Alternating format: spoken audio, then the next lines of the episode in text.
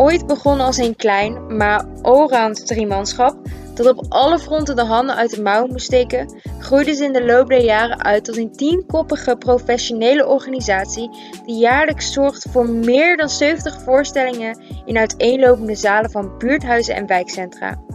Het Rotterdams Wijktheater.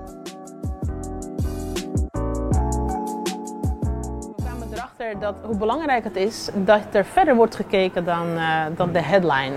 En hoe belangrijk het is dat je uh, buiten alle nieuwsberichten en negatieve nieuwsberichten over jongeren uh, om probeert verder te kijken, te, te, echt iemand echt te zien.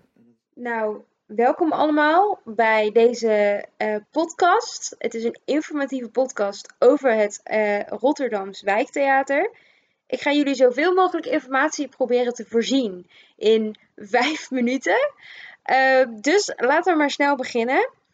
Uh, het Rotterdamse Wijktheater werkt al sinds 1992 in Rotterdam.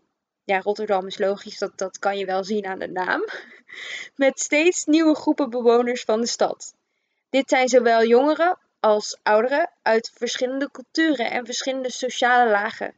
Uh, zij maken met hen theater over hun leven. Uh, zo uh, willen ze mensen een stem geven, lokaal talent ontwikkelen, uh, gemeenschappen versterken en de community art zowel nationaal als internationaal verder helpen ontwikkelen. dit doen ze vaak door middel van documentaires, podcasts en natuurlijk theatervoorstellingen. Dit project heeft mij wel laten beseffen dat verhalen vertellen echt um, goed kan zijn voor, uh, uh, voor, voor het medeleven met elkaar. Door elkaar te begrijpen, door elkaars verhalen te vertellen, ga je ehm, ja, elkaar snappen. door het, andere perspectief te zien op, op toneel, um, ga je dat voelen en, en ga je er ook weer gelijk anders bij denken in plaats van oordelen. En, uh... Zo heeft het Rotterdams Wijktheater meerdere projecten. En één daarvan is de Straatstaat. Een sociaal-artistiek theater- en filmproject over en met jongeren en alle die met deze jongeren te maken hebben. In november hebben zij de voorstelling Elia gespeeld. En tussentijds waren er ook drie korte films te zien op Open Rotterdam. De rollen worden in zowel voorstellingen als de films vertolkt door personen die nog niet eerder op een podium hebben gestaan. Een bijzondere voorstelling over de straatcultuur brengt het publiek dichter bij jongeren, maar de jongeren ook dichter bij elkaar. Ze zijn familie van elkaar geworden. Nou, weet je wat het is? Het voelde alsof ze zeg maar, de grond onder mijn voeten waren. Waar toen ouders uit elkaar gingen, viel dat weg. Kon ik nergens meer naartoe. En zij gaven me grond onder mijn voeten. Ik heb Joost van onze opleiding nu vierdejaars gevraagd om een paar vragen te beantwoorden. Hij loopt momenteel stage bij het Rotterdams Wijktheater. Hij is met dit bedrijf in aanraking gekomen in het derde jaar in verband met zijn interesse voor sociaal-artistiek theater. Hij heeft momenteel nog geen spelers, want dit is hoe het Rotterdams Wijktheater te werk gaat. Zij beginnen eerst met het kennismaken van mensen uit verschillende wijken om verhalen te verzamelen. Je leert ze dus eerst kennen als mens, voor je ze als speler leert kennen.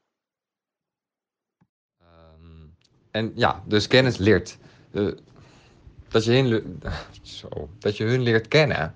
Eerst als mens, voordat je hun als speler leert kennen. Um, dus misschien begeleid ik ze ook eerder als mensen.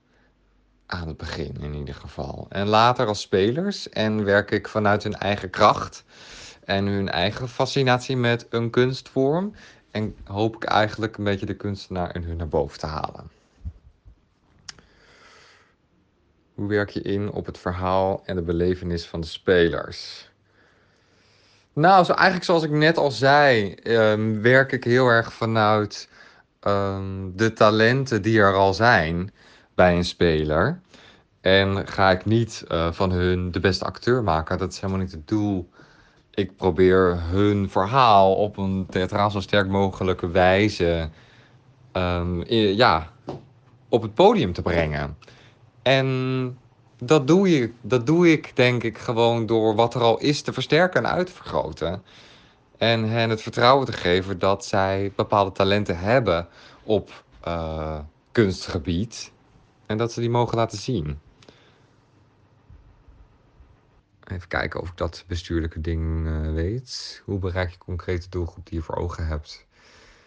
Ja, hoe bereik je een doelgroep? Ik denk altijd stoute schoenen aan en ergens op aflopen en hoor je zeggen en je naam roepen. En misschien wel ergens aanbellen of aanhaken.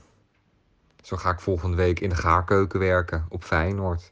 Om gewoon maar volwassenen en mensen uit die wijk uh, te spreken. Want dat, die wijk is mijn doelgroep. Dus zo uh, probeer ik eigenlijk gewoon één te worden met de community. Dus dat is eigenlijk uh, hoe je ze bereikt. Dus meedraaien in die, in, in, in die gemeenschap. Je moet niet eraf blijven en ernaar kijken en denken: ik wil met die onbekende mensen een voorstelling maken. Maar ze moeten je vrienden worden, denk ik. Niet landelijk, wel gemeentelijk. Dus de gemeente Rotterdam uh, geeft het Rotterdamse Wijktheater subsidie. Ja, ja de gemeente geeft uh, subsidie. Dus uh, dat zijn de antwoorden die ik je kan geven. Succes met alles.